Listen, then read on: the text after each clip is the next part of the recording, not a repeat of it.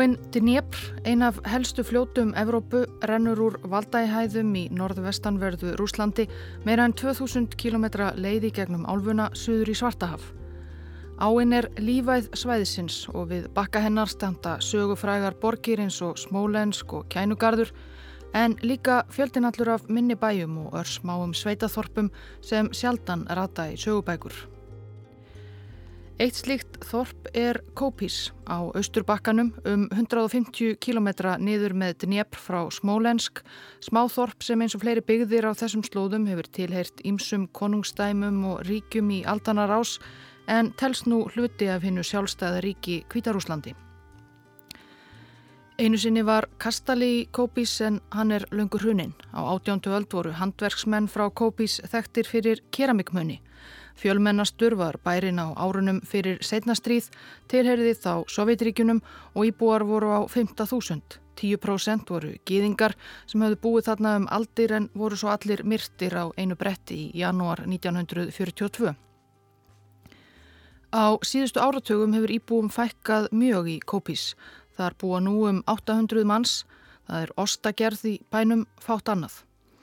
En Kópís dagsins í dag getur þó státað af einu til viðbótar.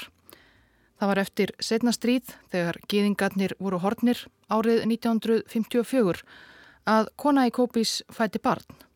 Són sem ólst upp eins og flestönnur börn í fátækum sveitum Kvítarúslands við kröpp kjör en sigraðist ekki bara á fátæktinni heldur náði þeim vafasama áfanga að verða þektur sem síðasti einræðisherra Evrópu. Выборы будут очень интересными, а после выборов будет еще интереснее. Помните, я никогда вас не предавал. Никогда. И я вас никогда не предам. Kvítarúsland eða Belarus eins og það heitir á máli heimamanna og einhverjir hafa mælst til að það sé kallað á íslensku einnig erum tvisasinnum stærra en Ísland á landamæri að Pólandi í vestri, Litáen í norðvestri, Lettlandi í norðri, Rúslandi í austri og Úkrænu í söðri.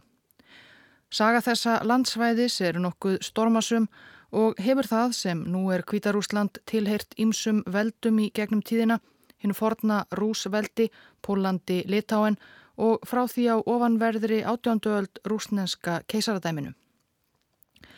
Nokkrar kenningar eru til um hvaðan nafnið Kvítarúsland er komið. Kanski átti kvítiliturinn að aðgreina kristna slavana þar frá nágrunum þeirra sót svörtum heiðingunum böldum. Önnur tilgáta er að nafnið vísi til kvítra þjóðbúninga kvíturúsa. Allavega, rússar og kvíturúsar eru náskildar þjóðir og tungumálinn tvö lík en undir rúsnenskum yfiráðum var rúsnenskri tungu og menningu hampað á kostnað frænt tungumálsins. Þannig var það áfram þegar Sovjetríkin litur dagsins ljós og Kvítarúsland var þá fyrsta sérstakka Sovjet líðveldi sambandsríkisins. Nú er svo komið að um 70% kvíturúsa tala rúsnensku heima við en aðeins tæpur fjörðungur landsmanna talar kvíturúsnensku að móðurmáli. Viðfangsefni þessa þáttar er kallaður tveimur nöfnum í heimspressunni, ímist Lukashenko eða Lukashenka. Hýð síðarnemda er hvernig nafn hans útlegst á kvíturúsnensku og verður notast við það hér.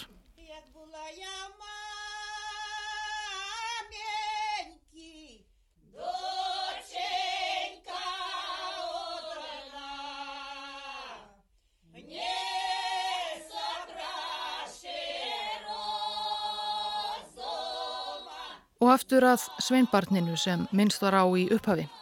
Það var 30. ágúst 1954 sem hinn 30. Jekaterina Trófímovna Lukasjenka fætti són sem hún nefndi Alexander.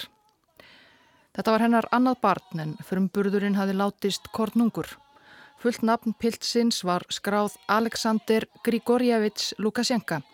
Millinafnið Grigorjevits merkir að slavneskum sið Sónur Grigorís En hver þessi Grígóri var, það er annað mál því Jekaterina Lukasjenka var einstæð þegar pilturinn fættist. Það er óljóst enn í dag hver fadir piltsins var og hvort hann hétt yfirleitt Grígóri eða eitthvað allt annað. Komin á fullorðinsaldur let Alexander Grigorjevits eitt sinn hafa eftir sér að fadir hans hefði fallið í stríðinu. En erfitt að sjá hvernig það geti staðist þar sem hann fættist jú 1954, nýju árum eftir stríðslokk. En hvað um það? Stríðið hafði leikið kvíturúsa grátt. Eðileggingin var gífurleg og fyrstu árin eftir stríð snerust nær engöngu um að reysa landið úr rústum. Í sveitum eins og þar sem Alexander Lukashenka fættist var fátæktin mikil. Og Jekaterina Trófímovna móðir hans var aðeins með grunnskólamentun og henni buðist ekki mörg tækifæri til að bæta stöðu þeirra meðkina. Fyrir stríð hafði hún unnið á Samirkjubúi og þegar Alexander fættist strítaði hún í hörverksmiðju í næsta stóra bæ um 30 km frá Kópís. 30 kilometrar voru laung vegalengt og fyrstu áræfinar var Alexander Littli því mikið án móður sinnar í umsjá ættingja í Kópis. Þegar hann var þryggja ára fekk mamma Jekaterina svo nýja vinnu sem mjöltakona á Samirkjubúi í Þorpinu hinumegin við Dnjepr, Aleksandríu. Það var starf sem hún átti eftir að gegna næsta aldar fjörðungin. Jekaterina Trófímovna var harðger kona sem gerði allt fyrir svonsinn, segja þeir sem hana þekktu. Engasonurinn fór í Þorps skólan í Aleksandríu en mjöldakonulaunin voru ekki upp á marga fiska og lífsbaráttan var enn hörð. Alexander Littli varði miklum tíma kornungur í fjósinu við hlið móður sinnar og hjálpaði til við mjöldir eða þá að hann sló gras eða hjó eldi við. Ég man hversu erfið lífsbaráttan var í Þorpin okkar á þessum tíma. Þau sterkari komist af sérstaklega þau sem áttu heilbriða eiginmenn og feður. Lukasjenka minnist reglulega æsku árana. Mamma og ég áttum halvan hektara lands. Það var ekki auðvelt að ná þessu en okkur tókst að fá lánaðan hest af samirkjubúinu til að plæja landið. Við vorum vöna að gefa í skiptum flösku af landa. Við höfum ekki efna vodka. Ég leiti hestin, ég var 7-8 ára og móðu mín var fyrir aftan blógin. Allt í hennu kemur nágrann okkar og fer að rópa ókvæðisorð, skammar mömmu og ítirinni því hún hefði gengið örlítið inn á hans land. Þessi atbyrður er greiftur í minni mínu og ég man að ég brast í grát. Ég hugsaði, þegar ég verð stór skal ég ekki láta nokkur mann lemja móðu mína.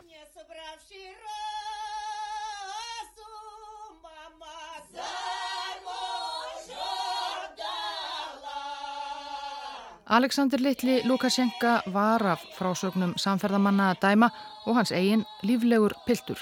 Hann orti ljóð og söng og lærði á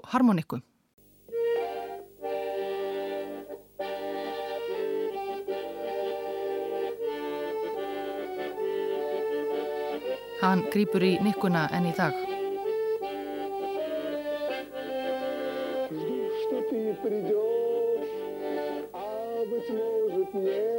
Og hann var ágætur námsmaður. Lukasjenka lauk mentaskóla 17 ára árið 1971 og hóð þá nám í kennaraháskólanum í Mókilev, borg við bakka til Njepr um 50 km söður af smáþorpunum Kópis og Aleksandriju með sagfræði sem sérsvið.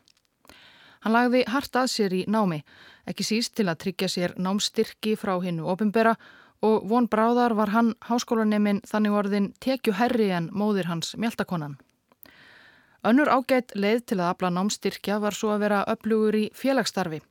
Vitaskuld félagsstarfi undir formerkjum ungliðarhefingar sovjaska kommunistaflokksins Komsomól.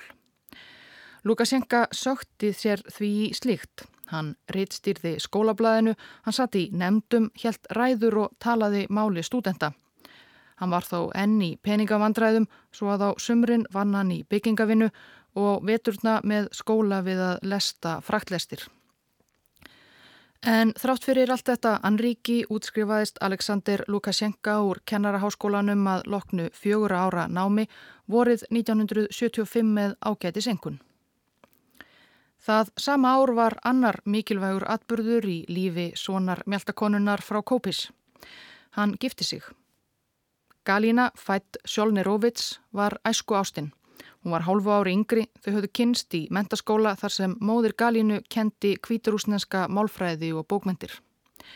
Sagt er að Lukasjenka hafi heitlað Galínu með frumsömdum ljóðum sínum, kannski harmonikuleik líka og bónorðið bar hann upp í gunguferð við bakka Dnjepr.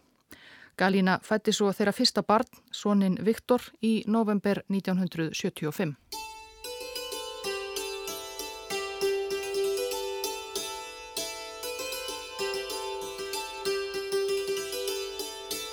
Ætlam á að eftir útskrift úr kennaraskólanum hafi Lukasjenka haft hug á því sem metnaðargjarn ungur maður óðum að stopna fjölskyldu að búa áfram í borginni Mókilef sem var 200.000 manna borg frekar en að snúa aftur í örbyrð landsbyðarinnar.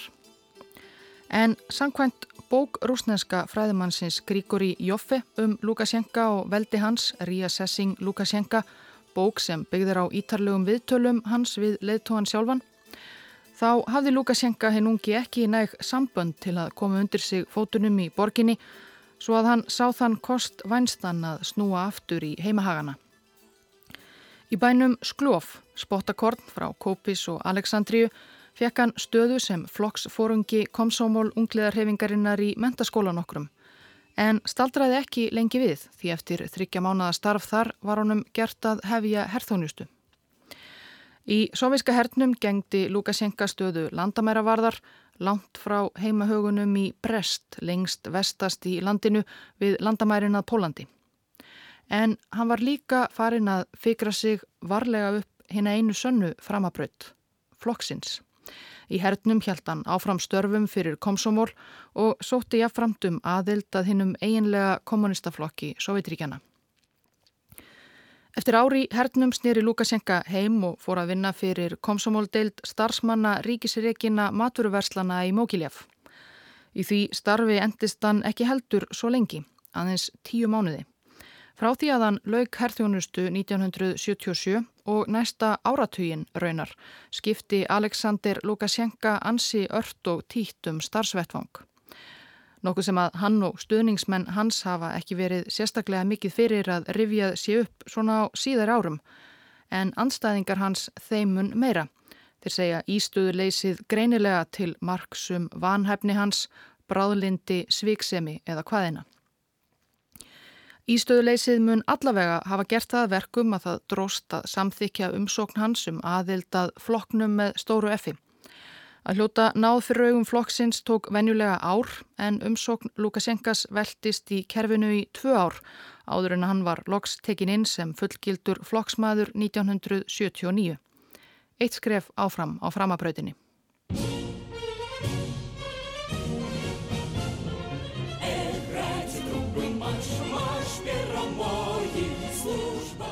Með flokksskýrtinnið í Vasanum vildi Lukasjenka aftur í moldina og hugði á stöðu hjá samirkjubúi, en góða stöðu. Hann ætlaði sér ekki að fást við mjaltir eins og mamma gamla. Hann hafði enga frekari reynslu af bústörfum fyrir utan þegar hann hjálpaði henni í den, svo að Lukasjenka hóf nám í landbúnaðarhagfræði í landbúnaðarháskóla Kvítarúslands í Horki, nálægum bæ. En enn og aftur staldraði hann stutt við. Önnin var rétt að byrja þegar hann skráði sig skindilega aftur í herin og var sendur aftur á landamærin við Brest. Sankvæmt æfisögu Lukasjenkas eftir hvít rúsneska stjórnmálafræðingin Valeri Karbalivits, hann er engin aðdáandi Lukasjenka, var þessi óvænta breyting vegna þess að Lukasjenka hafði haldið fram hjá Galínu konu sinni með konu sem var líka virk í starfi komsomól þarna í sveitinni. Það hefði þótt vandraðalegt fyrir hreyfinguna og flokkin Svo þegar framhjáaldið var við það að komast í hámæli voru þau sendt, Luka Sjenka og hinn konan, hvori sína átt.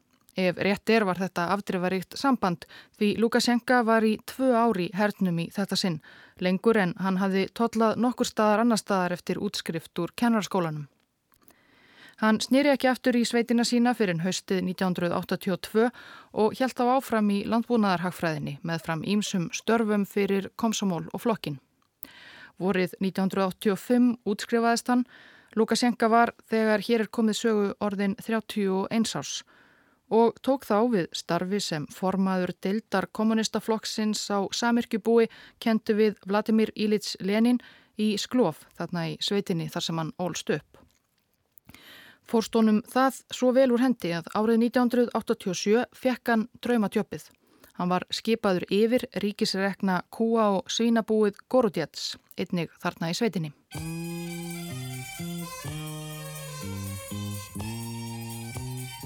Á ríkisrekna búinu Gorodjets voru árið 1987 um 400 starfsmenn sem sáu um rúmlega 200 mjölkur kýr og eitthvað af svínum, þrjú grepahús, fjós, svínastía og kofi fyrir kálvana. Tækjabúnaður var frumstæður, vinnumenn ferjuðu rauðrófur ofan í dýrin á hestvögnum og mjöltakonur fluttu mjölkurbrúsana á hjólpurum. Reksturinn gekk ekki sérlega vel. Gorodjets var þarna, segir Sagan reyndar, eitt af þeim samirkjubúum sem verst stóðu í gerföllum Sovjetríkinum. Svo að þetta var kannski ekkert draumadjópp fyrir ungan og metnaðarfullan búfræðing. En fólk sem vann í Gorodjets á þeim tíma sem Lukasjenka tók við stjórninni talar í dag ekki síst um djúpa leðjuna sem í minningum þeirra allavega þakti allt bæjarstæðið. Það voru engir stígar, engin fór nokkurt nema í háum gúmistífilum. Þegar Lukasjenka kom á bílið náði mikjanónum upp að njám. Valentína Vasiljeva, mjaltakona í Gorodjets í 26 ár í viðtali við kvíturúsnenskan netmiðil. Það fyrsta sem hann gerði var að reynsa þetta allt upp. Hann létt koma með möl og svo fór hann að láta malbygga vegi út um allt.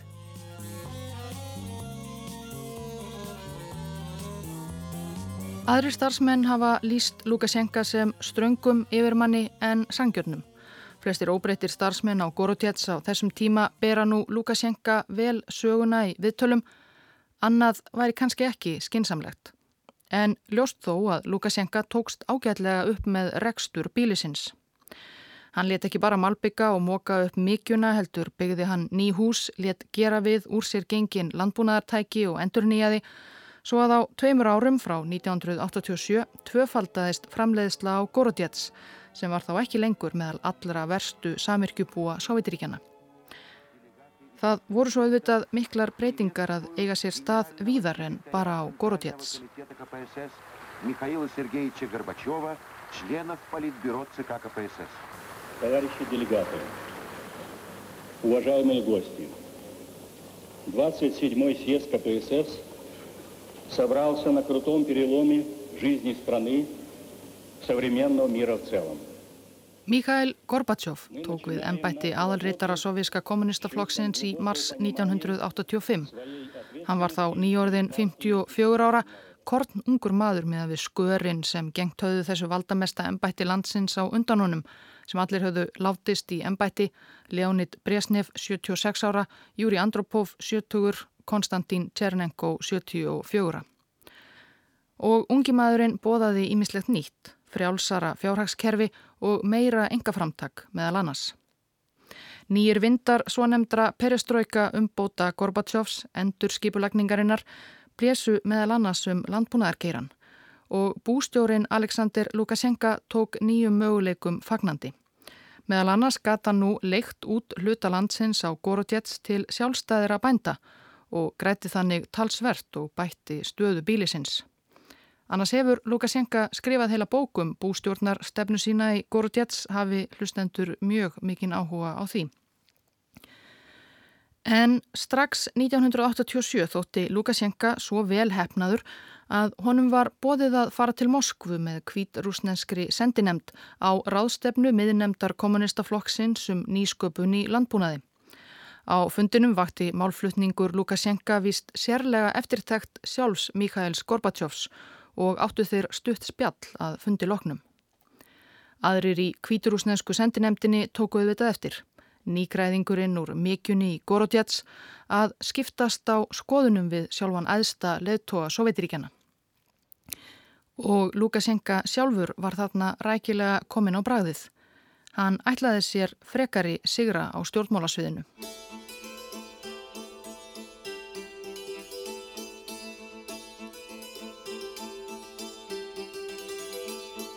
Lukasjenka var auðvitað þegar félagi í flokknum og hafði komið að ímiskonar flokkstarfi þó án þess að hljóta mikla eftirtækt eða velgengni hinga til. Nú fór hann að láta meira að sér kveða og skipaði sér kyrfilega í flokk með Gorbachev og nýju kynsluðinni. Vandamál Sovjetríkjana væru gömlum, stöðnuðum og spiltum afturhaldssekkjum í floknum að kenna og yrðu bara leist með umbótum, nýjum hugsunarhætti og nýjum aðferðum og svo framvegis.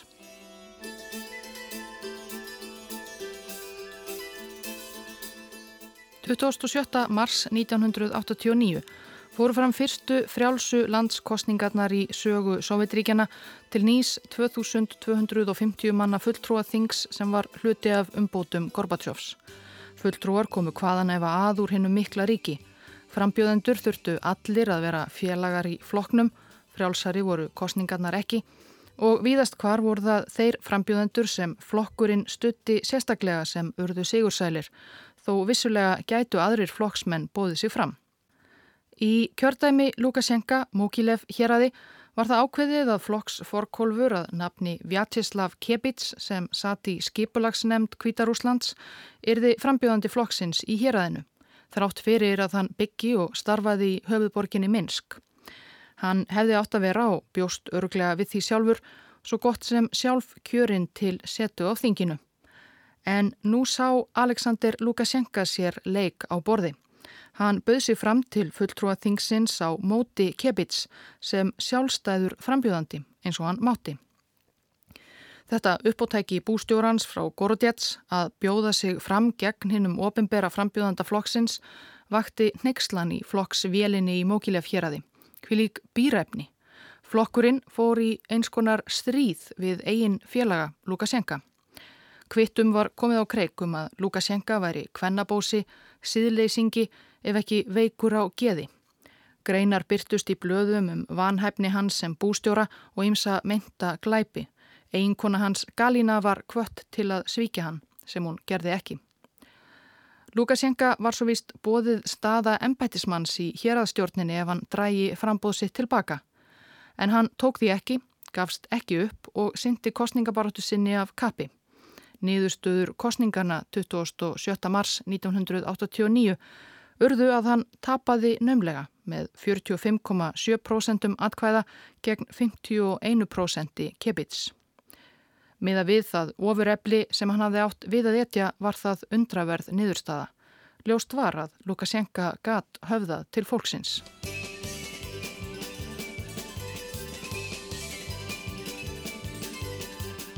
Leið hans á toppin var þó ekki alveg greið enn.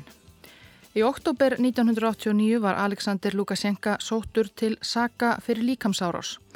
Átti hann að hafa ráðist á undirmann traktorstjóra að nafni Bondurkov. Máls atvik eru óljós og umdelt enn í dag. Sumir segja að Lukasjenka hafi þarna jafnvel gengið í skrokk á hópi manna. En Lukasjenka sjálfur hefur ættið haldið því staðfastlega fram að sakirnar hafi verið yktar, magnaðar upp af óvinnum hans innan flokksins, gömlu íhaldsmönnunum sem var í nöp við málflutning hans og hafðu ekki fyrirgefið mót frambóðið gegn kebits til fulltrúaþingsins. Þetta hafi átt að þakka niður í honum í eitt skipti fyrir öll. Bondurkov þessi var samkvæmt þeirri sögu sem Lukasjenka sagði Gríkori Joffe í áður nefndri viðtalsbók drikkveldur aumingi sem hann fjælst náðarsamlega á að ráða í vinnu svo að börnin hans fimm siltu ekki. Ekki lungu eftir að hann hóf störf gekk Lukasjenka fram á traktor Bondurkovs á kvolvi ofan í skurði og enn kveikt á vélinni. Hann rétti þá traktorinn við og leitaði Bondurkov uppi. Ég sá að Bondurkov var blindfullur. Það sögð á mér þegar ég sá hann. Ég hef aldrei þólað óreglu. Þarna gerði Lukasjenka hlið á frásögninni til að útskýra að áfengi hafi alltaf farið ítla í hann, hvort sem það er raukt, kvít, konjak eða vodka. En allavega... Ég spurði hann, akkurju skildur þú traktorinn eftir? Það varst jú þú sem vildir hann. Hann svaraði bara með svífinningum. Jæja, þú veist ég er sterkur maður og ég var enn sterkari á þessum tíma. Bondurkov, hann stekkur upp að mér til að sína sig fyrir vinum sínum. Ef það hefði ekki verið vitni ef ég kannski hagað mér meira eins og kallmaður. En ég þreif bara í skirtunans, hann var kóturukkinn og hendunum öfugum niður sandbing. Hann stóð strax upp, dustaði sandin af fötunum og gekk burt. Þetta var allt og sumt. Sakirnar gegn Lukasjenka voru á endanum látnar niður falla. Hvað sem var satt í þessu máli var það allavega ekki til að koma í vekk fyrir áframhaldandi frama Aleksandrs Lukashenka. Fyrstu kostningarnar til fulltrúa þings Sovjetiríkjana 1989 urðu jafnframt þær síðustu. Umbúta tilraunir Gorbatsjófs höfðu ekki borið þann tilætlaða árangur að halda landinu í einu lægi. Sovjetríkin riðuðu til fals og líðveldin sem mynduðu sambandsríkið gerðu sig líkleg eitt af öðru til að segja skilið við Moskvu. 4. mars árið 1990 fóru fram enn einar kostningarnar til aðsta ráðs Sovjets Sovjetlíðveldisins Kvítarúslands. Vitanlega bauð Alexander Lukashenka sig fram til ráðsins í óþökk gömlu flokks Karlana í Mokilev héræði sem aftur settu áróðurs velina í gang gegnunum og sögurnarum framhjáhöld og líkams árásir og hvaðina fóru aftur á kreik. En það beit ekki á Lukashenka sem áttu orðið auðvelt með að hrífa hinn almenna kjósenda með sér. Hann var ungur og ferskur, þarna 36 ára reyndar að fá skalla þó hann hafi reynd í lengstu lög að greiða yfir hann. Hann var góður ræðumadur og talaði af innlifun gegn skrifræði, spillingu og stöðnun. Hann vildi fjárfesta og byggja upp fátækar sveitir landsins og í þetta sinn hafði hann erindi sem erfiði. Í kostningunum 4. mars 1990 hlaut Alexander Lukashenka góða kostningu til aðstaráðs Sovjetlíðveldisins Kvítarúslands. Það var ekki alveg sama stemming þarna í Kvítarúslandi og var sumstaðar annar staðar í Sovjetríkunum. Það var ekki sami uppgangur þjóðernis vitundar í Kvítarúslandi og mátti sjá til að mynda í Eistrasaltsríkunum og Úkrænu. Kvítrúsar voru ekki eins óðir og uppvægir að sjá á bakinu gamla skipulagi. Í kostningunum til æðstaráðsins í mars 1990 fengu anstæðingar kommunistaflokksins aðeins um 10% atkvæða og meiri hluti landsmanna vildi verðist vera halda í Sovjetríkin. En aldan sem þá þegar var farin af stað varð ekki stöðuð. Sovjet líðveldin við Eistrasaltið, Eistland, Lettland og Litáen voru búin að lýsa yfir sjálfstæði. 12. júni 1990 lísti fulltrúaþing sjálfs Sovjet líðveldisins Rúslands með Boris Jeltsin í fararbróti yfir fullveldi sínu frá yfir stjórn Sovjetríkjana. Um einum og halvu mánuði síðar, 27. júli, fyldi Þing Sovjetlíðveldisins Kvítarúslands dæmi rúsa og lísti einnig yfir fullveldi.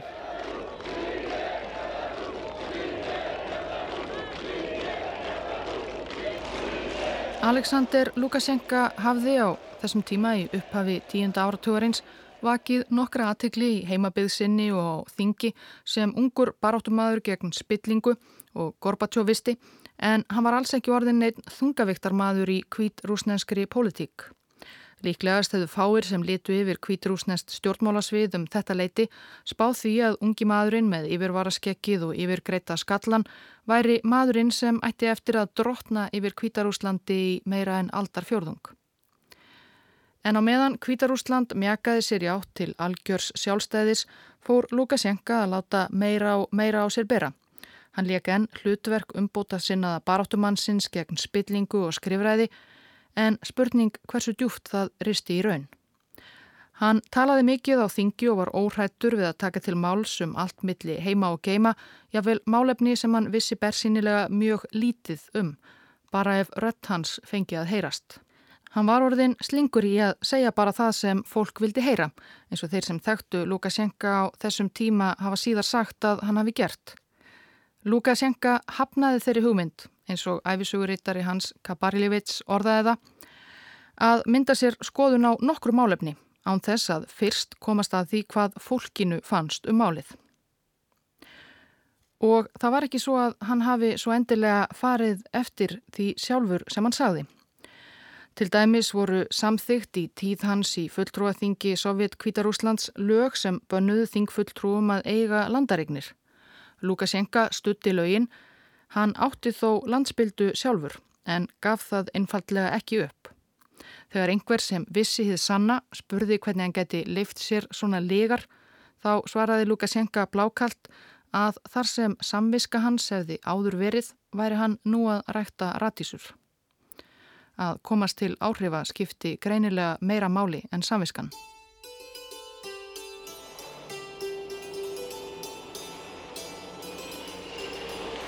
Mingling with the rush hour traffic, Red Army armored personnel carriers on the streets of Moscow this morning, heading to the Kremlin. Í morgunsárið þann 19. ágúst 1991 byrtust skriðdrekar á götu miðborgar Moskvu. Þetta var örvæntingarfull tilraun íhaldsabla innan sovjerska stjórnkerfi sinns og kommunistaflokksins að steipa Gorbachev og koma í vekk fyrir það sem greinilega ístemdi algjört hrun hinn að tæplega 70 Sovjetiríkja. Valdaránið mistókst og hrunið varð óhjákvæmilegt. Hinn íhaldsama stjórn kvítrúsneska kommunistaflokksins hafði stutt valdaránstilrunina en eftir að allt var um garð gengið var ekki komist hjá því að landið yrði að standa á eigin fótum. Úgræna lísti yfir algjöru sjálfstæði frá Moskvu 24. ágúst 1991 og daginn eftir, 2005, gerði kvítarúsneska sovjetlýðveldið hið sama og varð líðveldið Kvítarúsland já eða Belarus. Kommunistaflokkur Kvítarúslands var leistur upp en flestir flokksmenn heldu stöðum sínum. Þannig var fyrsti leittói hins ný sjálfstæða lands, forsætis ráþeran, gamall flokksforkólfur, raunar engin annar en gamli anstæðingur Lukasjenka ár héraðskostningunum í Mókilef, Vjatislav Kebits. Þeir tveir áttu eftir að mætast aftur, von bráðar.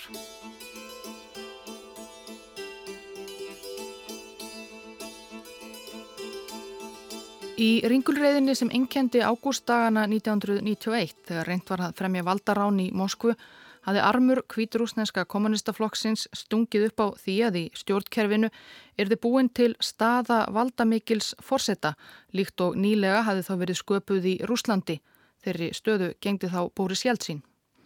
Þetta var umdeild tillega og meðal þeirra sem gaggrindu hana var Alexander Lukasjenka. Hann skrifaði grein í Kvíturúsnest dagblað þar sem hann fór hörðum orðum um þessa tilraun afturhaldssegjana til að breyta Kvítarúslandi í einræðisríki.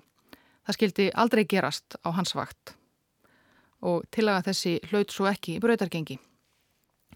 Almennt séð fóru kvíturúsar mun varlegar í allar breytingar eftir að ríkið var sjálfstætt en gerðist víða annar staðar í hinnum fyrverandi Sovjetríkum. Gamla elita kvíturúsnenska kommunistaflokksins var áfram við völd og fór sér mjög hægt í breytingar á stjórn og fjármálakerfi til að mynda við engavæðingar ríkisfyrirtækja. Kvíturúsnesk alþýða fyldist í staðin með slíkum gjörningum leika nágranna þeirra í Rúslandi grátt sem og í fleiri fyrrum Sovjetlöndum. Árið 1993 tókst Vjatislav Kebits og stjórn hans þó að koma í gegn breytingum á stjórnarskrá sem meðal annars gerður áð fyrir því sem fyrir tveimur árum hafi verið felt að koma á embætti valda mikils forsetta í stað forsetis ráþerans. Haustið 93 var þingmanninum Alexander Lukasjenka og falið að vinna skýrslu um helsta hugðarefni hans spillingu í Kvítarúslandi. Eftir þryggja mánuða vinnu kynnti hann skýrsluna á þinginu 14. desember með mikilli orðgnótt og tilþrifum um bardaga hans við spillingar djöfulinn. Í raun var í skýrslunni fátum skýrar upplýsingar um bein lögbrott og engin var sóttur til saka í kjölfarinnar eða saði af sér nema forseti aðalráðs Kvítarúslands Stanislav Sjúskevits sem leta af ennbætti eftir að Lukasjenka greindi frá því að í viðgerð á sumarhúsinu hans hefði hann látið ríkisjóð greiða fyrir nagla. En allavega skýrslan og kynninghennar vöktu enn frekari aðtikli á Lukasjenka hjá almenningi og þegar búið var að samþykja nýja stjórnarskrá láguðu þetta beinast við að hann byði sig fram til fórseta. Ígri politíkiski. Nám núžna izbrať pervo prezidenta Republiki Belarus 10. júlia 1990. Sex voru í frambóði í fyrstu fórsetakostningum sjálfstæðs Kvítarúslands fyrriumferð sem fór fram 24. mars 1994. Frambjóðendur voru af ímsu tægi en í uppafi byggust flestir við örugum sigri sitjandi fórsetisráð þeirra Vjatislav Kebits. Hann sjálfur var valöfst. En gamli mótæri hans frá Mókilef, Alexander Lukasjenka, reyndist erfiður viðfangs. Lukasjenka naut góðs af ímynd sinni sem baráttumadur gegn afturhaldi og spillingu og varnarmadur sveitana. Hann ferðaðist um landið vitt og breytt og víða var honum tekið næstum eins og rokkstjörnu.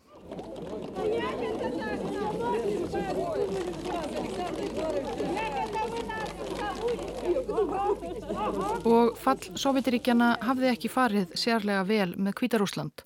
Efnahagurinn var illa farin eftir tilraunir til markaðsvæðingar og almenn ringulreið í landinu. Kjósendur vildu einhvern sem kæmi hlutunum í skikk á ný. Úrslitin í fyrriumferð kostningana urðu að Kebits fekk aðeins tæp 18% atkvæða en Alexander Lukasjenka fekk tæp 46%. Og þegar þeir tveir fylgismestu frambjöðandunir öttus og kappi í setni umferðinni 10. júli 1994 urðu úrslitin enn afdráttalösari. Kebits laut 14% atkvæða, Lukasjenka næri 81%. Samirkju bústjórin, hann var enn formlega bústjóri í Gorodjets þó hann hefði ekki synt reksturinnum árum saman og svonur einstæðu móðurinnar frá Kópis var því kjörin fyrsti fórseti sjálfstæðs Kvítarúslands. Í innsetningar ræðu sinni vitnaði hann í Abraham Lincoln, líðræðið er stjórn yfir fólkinu, af fólkinu og fyrir fólkið.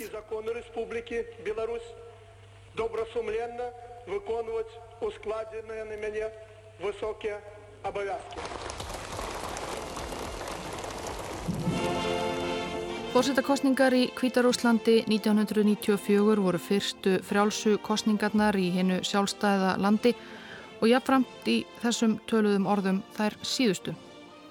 Því þegar hinn meinti umbúta maður Alexander Lukasjenka var komin til aðstu metorða í landinu kom í ljós að líðræðið var honum eftir allt saman ekki sérlega að skapi. Hann hófst smátt og smátt handa við að sapna öllum völdum á hendur sér og koma í vekk fyrir allt andof. Setti hömlur á tjáningar og prentfrelsi og bólaði anstæðingum sínum burt úr stjórnkerfinu. Bólaði burt eða reynlega leta á hverfa. Fyrstu árin af sjálfstæði var útlitt fyrir að þó kvítrúsar stígu varlega til jarðar myndu þeir fara að snúa sér til vesturs eins og mörgonnur fyrrum sovitlíðveldi. Lukasjenka breytti því. Hann stemdi landinu aftur í faðum rúsa og einangraði svo landsitt í raun og veru frá mestöllu alþjóða samfélaginu með sífælt undarlegri og gerraðislegri stjórnaráttum. Það er reynslan af samerkjubúinu sem gerir það verkum að Lukasjenka er enn við völd í dag. Kvíturúsneski bladamæðurinn Anatóli Guljaev hefur fylst með Lukasjenka æg síðan hann var sakaður um að hafa gengið í skrokk á traktorstjóranum Bondurkov. Samkvæmt því kerfi var samirkjubús stjórin jafngildi Guðs, keisara og hersöðingja. Orð hans eru lög og engum leifist að mögla. Alexander Lukasjenka var svo endur kjörinn fórseti 2001, 2006, 2010, 2015 og 2018. Allt kostningar sem alþjóðlegir eftirlitsmenn hafa dæmt ófullnægjandi og ófrjálsar.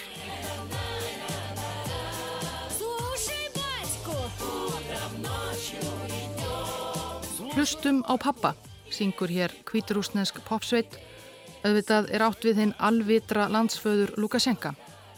Það er hann bókstaflega. Þegnar hans kalla hann stundum pappa, sumir af einlegni, aðrir eflaust í kaltæðni. Galína, æsku ástinn sem að Lukasjenka giftist sama ár og hann útskrifaðist úr kennaraskóla 1975, hún flutti ekki með honum til Minsk þegar hann var kjörinn fórseti. Þau hjónin hafa verið skilin að borði og seng síðan þó enn séu þau gift sangkvæmt lögum. Þau eignuðust áður en leiðir skildu saman sínina Viktor og Dimitri. Svo árið 2004 eignaðist Lukasjenka þriðjasónin Nikolai. Hver móðir Nikolai litla eða Kolja eins og hann er kallaður er ekki staðfest en að líkindum kona að nafni Írína Abelskæja sem var enga læknir fórsetans um hríð annað foreldrið allavega óþægt eins og hjá pappanum. Kolja fór ungur að fylgja föður sínum í allskins opimberum erindagjörðum. Bara örlítill patti fór hann með pappa á fund Hugo Chávezar, Dimitri Medvedev, fyrirverandi rúslandsforsetta og sjálfs Benedikts 16. Páfa.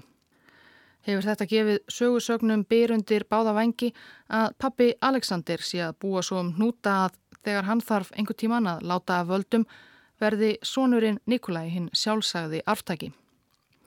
Lukasjenka hefur þvertekið fyrir að hafa uppi einhver slík áform. Rindar aðalega, segir hann, vegna þess að hann hyggst alls ekki láta af völdum í bráð.